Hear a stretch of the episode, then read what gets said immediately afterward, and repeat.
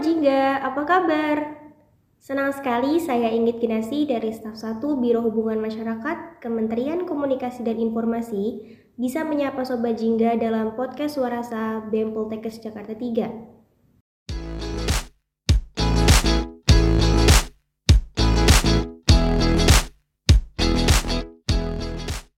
Oke, untuk mengawali podcast pada awal periode ini, Suarasa menghadirkan Presma dan Wapresma BEM Poltekkes Jakarta 3. Halo Pak Presma dan Ibu Wapresma, boleh perkenalkan diri dan menyapa Sobat Jingga terlebih dahulu? Halo Kak dan halo semua Sobat Jingga. Perkenalkan saya Rizky Hidayatullah, saya dari mahasiswa jurusan TLM yang sekarang memasuki semester 4. Nah, Alhamdulillah pada tahun ini saya diamanahkan sebagai Presiden Mahasiswa Poltekkes Kemenkes Jakarta 3. Oke, setelah Iki ada saya. Saya apa gue nih? Gimana aja kak? Oke, ya di awal saya Hanifal Aulawiyah, eh, mahasiswi kebidanan D4 Kebidanan Profesi. Eh, pada saat ini di semester 4 dan alhamdulillah di BEM diamanahkan sebagai wakil presiden mahasiswa. Salam kenal sobat Jingga. Oke, setelah perkenal perkenalan dari Presma dan Wapresma BEM Poltekkes Jakarta 3, Sobat Jingga pasti bingung gak sih kenapa Suarasa mengundang Presma dan Wapresma BEM Poltekkes Jakarta 3? Langsung aja kali ya kita ngobrol bareng. Oh iya kak, gimana nih kak perasaannya menjadi presiden mahasiswa dan wakil presiden mahasiswa di salah satu organisasi pusat di Poltekkes Jakarta 3? Wah, pastinya saya merasa uh, tidak menyangka karena benar-benar terpilih menjadi seorang presiden mahasiswa karena seluruh rekan-rekan saya yang saat itu juga mencalonkan diri sebagai Presma dan Presma memiliki jiwa kepemimpinan yang mungkin lebih baik dari kami. Namun itu semua juga dikembalikan lagi atas kepercayaan dari seluruh mahasiswa Poltekkes Kemenkes Jakarta 3 ini. Kalau dari saya sendiri ya, karena emang gak pernah ngeekspektasiin buat mimpin suatu organisasi yang besar bahkan masuk BEM pun tuh nggak pernah kepikiran dari awal daftar BEM jadi ya kaget takut takut karena uh, apa ya kaget karena kepilih takut karena ya mungkin uh, ini suatu cakupan yang besar 2630 mahasiswa kurang lebih ya. Bukan cuman megang jurusan bukan cuman megang suatu hal yang kerja kelompok kecil gitu tapi ini megang mahasiswa sama menghubungkan suara-suara mahasiswa ke direktorat. Ya menurut gue itu eh jadi gue nih maaf ya. Uh, menurut gue itu jadi suatu hal yang challenging sih. Jadi ya kurang lebih challenging takut sama khawatir sebenarnya untuk mimpin organisasi pusat tuh perasaannya. Oke kak, apa sih kak yang bikin kalian tertarik untuk mencalonkan diri sebagai presiden dan wakil presiden mahasiswa? Boleh kali ya dari KIP dulu. Boleh. Uh, awalnya sih pastinya karena dukungan dari teman-teman internal BEM ya. Mengingat dari saya sendiri kan tadi udah bilang tuh awalnya emang gak pengen masuk BEM gitu kan. Terus tiba-tiba uh, alhamdulillah qadarullah daftar BEM nih pengen nge-push diri ngembangin diri. Terus uh, ketika udah berke berkecimpung di dalam BEM-nya sendiri teman-teman tuh ngerasa kayak uh, saya ini termaksud salah satu orang yang emang memenuhi kriteria BEM pada masa ke periode saya gitu. Jadi uh, itu pertama. Yang kedua didukung juga sama orang-orang di luar BEM yang emang deket sama saya Nah mereka tuh support banget apa-apa yang saya lakuin, terus juga ngelihat pertimbangan-pertimbangannya uh, dari akademik, dari keluarga, terus juga ngelihat dari sisi BEM-nya.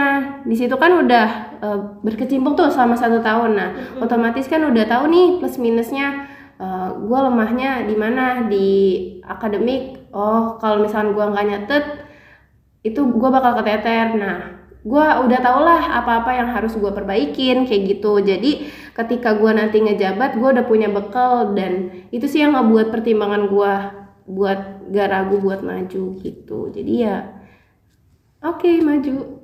Hmm, oke. Okay. dari Kak Iki sendiri gimana nih kak Uh, ya, pastinya kan kami juga memiliki visi ya, serta misi juga yang nantinya akan kami realisasikan gitu bersama dengan Badan Eksekutif Mahasiswa, seluruh LKM Poltekkes Kemenkes Jakarta 3 dan juga seluruh sivitas akademika, baik itu dari pihak jajaran direktorat, mahasiswa, dan uh, seluruh yang berhubung dengan uh, Poltekkes Kemenkes Jakarta 3 ini gitu. Nah, besar juga harapan kami bahwa nantinya seluruh mahasiswa dapat berperan aktif dalam mengikuti seluruh program-program kerja yang dilaksanakan oleh BMPKJ 3 ini gitu karena pastinya kami eh, mengkonsep proyek ini tidak hanya untuk BEM, LKM tapi juga untuk seluruh mahasiswa yang ada di PKJ 3 ini gitu. Hmm, gitu ya kak. Emang sih kak penting banget ya support sama dukungan dari berbagai pihak tuh biar bikin kita ngerasa lebih percaya diri, bikin yeah. kita ngerasa bisa gitu buat maju. Oke deh, tadi Kak Iki juga sempat menyinggung tentang visi dan misi ya Kak untuk BEM ini. Apa sih Kak kalau boleh Sobat Jingga tahu visi dan misi yang Kak, kalian bawa buat BEM ke depannya tuh Kak? Boleh dijelaskan Kak? Oh boleh banget sih kak. Ini kan yang memang harus sobat jingga tahu gitu. Karena dengan adanya visi misi ini kita dapat bersama-sama mewujudkan pergerakan mahasiswa ke arah yang lebih baik pastinya gitu. Nah untuk visi kami sendiri yaitu menyelaraskan kolaborasi antar sivitas akademika dengan BEM Poltekkes Kemenkes Jakarta 3 untuk mewujudkan SDM yang dikdaya, berdikari, serta kredibel. Nah, lalu kami juga pastinya memiliki misi. Nah, misi kami yang pertama itu mengoptimalkan sumber daya manusia yang dimiliki Badan Eksekutif Mahasiswa Poltekkes Kemenkes Jakarta 3 secara profesional berdasarkan asas kekeluargaan. Lalu yang kedua, menjadi pusat pengkajian isu strategis bagi sivitas akademika Poltekkes Kemenkes Jakarta 3. Lalu yang ketiga, membangkitkan jiwa sosial mahasiswa untuk berperan aktif dalam gerakan pengabdian masyarakat Lalu selanjutnya misi kami yang keempat itu merealisasikan pengembangan minat serta bakat demi terwujudnya mahasiswa Poltekkes Kemenkes Jakarta 3 yang sportif dan unggul dalam bidang akademik maupun non akademik hingga taraf internasional. Nah, lalu yang kelima menampung dan memperjuangkan aspirasi mahasiswa dengan menerapkan fungsi koordinasi dan advokasi kemahasiswaan. Lalu yang terakhir memaksimalkan penggunaan media komunikasi untuk mewadahi dan menyuarakan informasi sebagai bentuk transparansi pada seluruh sivitas akademika, Poltekkes, Kemenkes Jakarta 3 dan masyarakat umum. Oke, Kak Ipeh, hmm? ada yang mau ditambahin nggak dari statementnya Kak Iki? Udah sih, uh, mungkin kalau penjelasannya ya penjelasannya uh, mau nanya yang dari mana dulu nih, karena ini uh, secara tersirat banget oke okay, kak, tapi yeah. menurut Sobat Jingga juga pasti keren banget gak sih menjelaskan kolaborasi, terus menjadi uh, mewujudkan untuk SDM yang berdikdaya, berdikari, dan kredibel di tingkat Asia Tenggara. Wow banget ya Sobat Jingga. Terus misi yang mereka jabarkan juga ih keren-keren banget. Mungkin dari uh, beberapa aja kali ya Sobat Jingga. Kak, gimana sih cara merealisasikan mm-hmm. pengembangan serta bakat demi terwujudnya mahasiswa Poltekkes Kemenkes Jakarta 3 yang sportif dan unggul dalam bidang akademik maupun non akademik hingga tingkat Asia Tenggara. Bagaimana nih kak menurut kakak cara mewujudkan hal tersebut kak? Oh iya oke okay. dari gue dulu kali ya Ki. Hmm, ya boleh. izin jawab ya terkait uh, misi yang tentang merealisasikan pengembangan minat serta bakat yang di poin keempat itu sebenarnya kita punya dua dua kementerian di BEM. Yang pertama Kementerian uh, Kemenminbak, Kementerian Minat dan Bakat serta Kementerian PPSDM. Nah, kalau untuk concern ke bidang non akademiknya kita lebih ke Kemenminbak sih. Kenapa? Karena di uh, di Kemenminbak itu membawahi suatu LKM bernama UKM.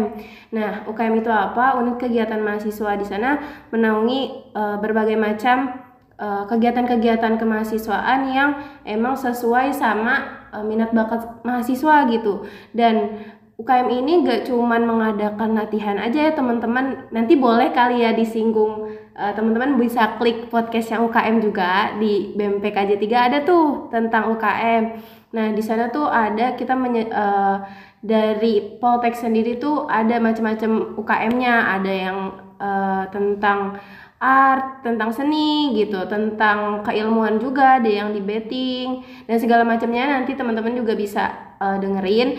Terus uh, di sana nggak cuma latihan rutin aja tapi juga lomba-lomba nih teman-teman. Kalau teman-teman mahasiswanya lebih aktif nyari-nyari lomba, itu sih bakalan difasilitasin banget sama uh, UKM ini yang membawa yang dibawahi oleh Kemenminbak kayak gitu sih. Nah, kalau misalkan akademiknya akademiknya itu dari PPSDM. Nah, di PPSDM ini di biro di biro di salah satu biro di PPSDM ada namanya Biro Pendidikan.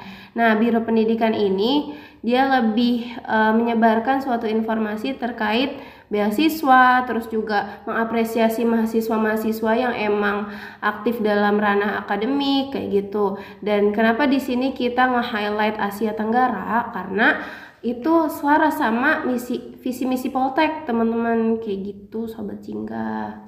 Ya mungkin tambahan dari saya ya terkait dengan poin misi nomor 4 ini uh, akademik maupun non akademik. Nah kalau dari non akademiknya sendiri itu kami dari BEM-nya itu memiliki program kerja yang, yang dinamakan dengan Polsek.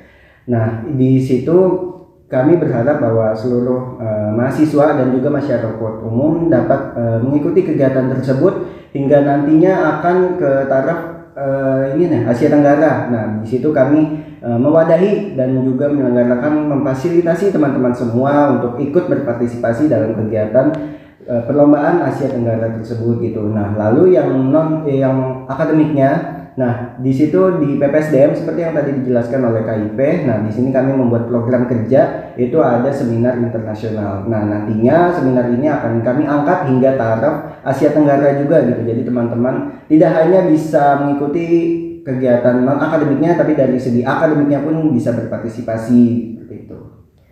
Oke, Kak, move dari visi misi nih, Kak.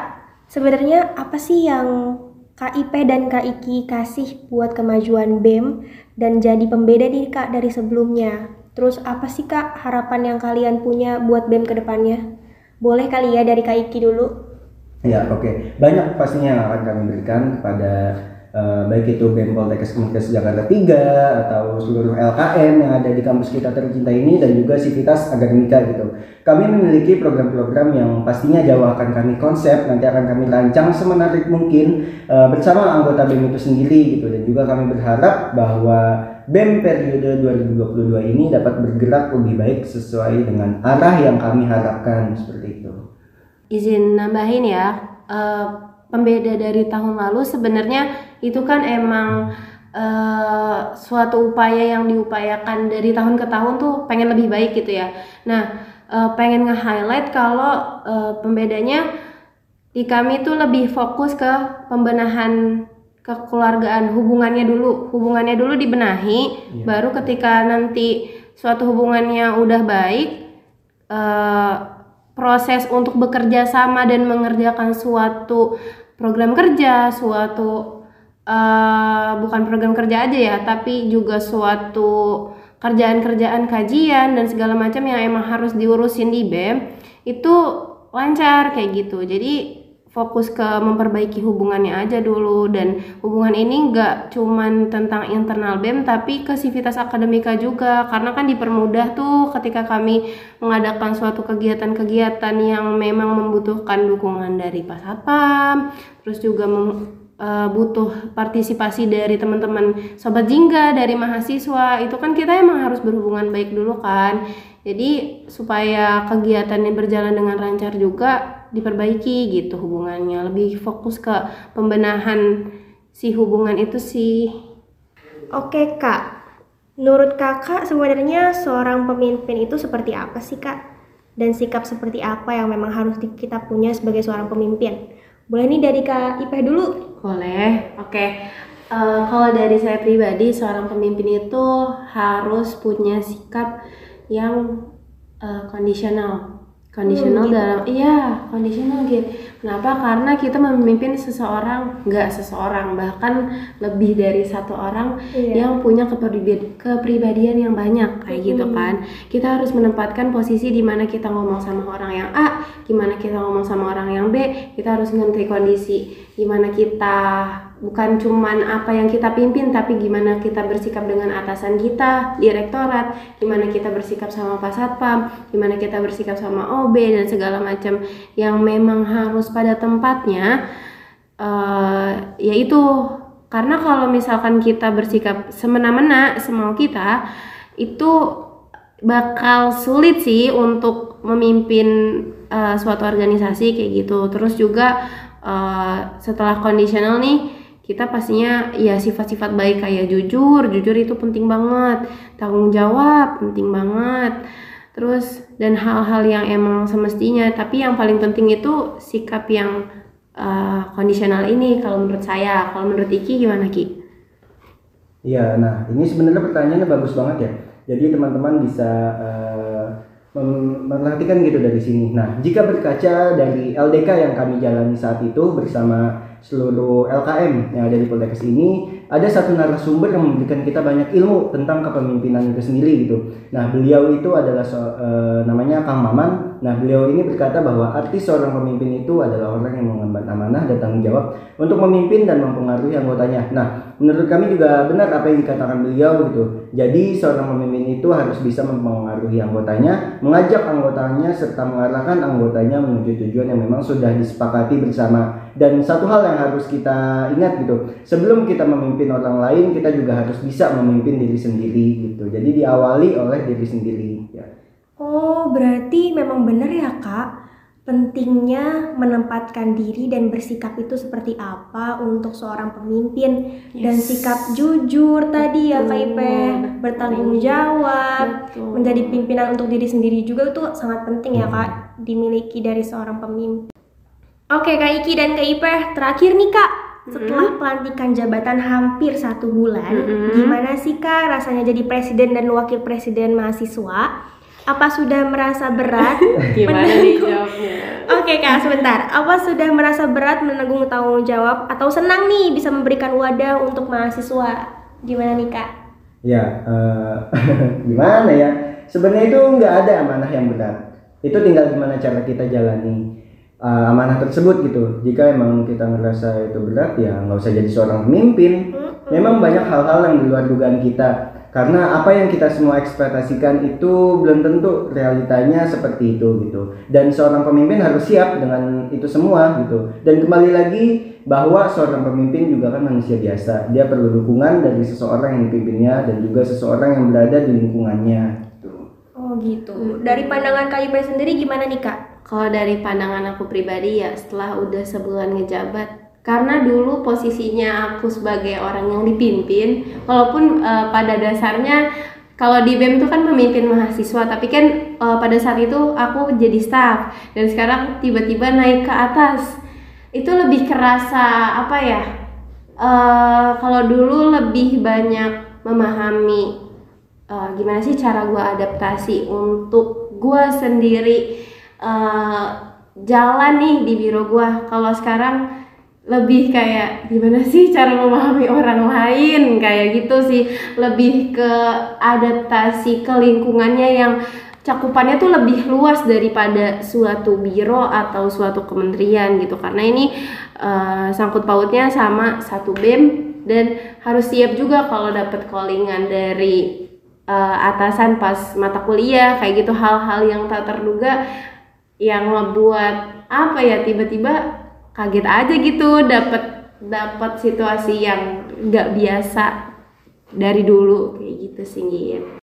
Oh ternyata gitu ya kak rasanya jadi presiden dan wakil presiden mahasiswa Ya memang berat ya kak Cuma ya karena mahasiswa sudah percaya untuk ngasih tanggung jawabnya ke KIP dan KIKI Dan percaya buat mimpin mahasiswa ya kalian mau nggak mau harus siap dan nggak siap ya kak iya Oke Sobat Jingga, itu tadi yang disampaikan oleh Presiden dan Wakil Presiden mahasiswa kita. Gimana nih Sobat Jingga? Seru banget kan ngobrol bareng tadi? Seru banget langit, kan sama aku. Terima kasih banyak ya untuk Kak Rizky Hidayatullah dan Kak Hanifa karena telah meluangkan waktunya untuk ngobrol dan menyapa Sobat Jingga di podcast Warasa. Sampai bertemu di lain kesempatan ya Kak. Oke, sampai bertemu juga ini. Sampai bertemu Sobat Jingga. Dah. Oke Sobat Jingga, sampai bertemu di episode Suara berikutnya. Saya Inggit Kinasi mengucapkan terima kasih kepada Sobat Jingga yang telah menjadi teman setia Suarasa. Sampai jumpa. Sampai jumpa.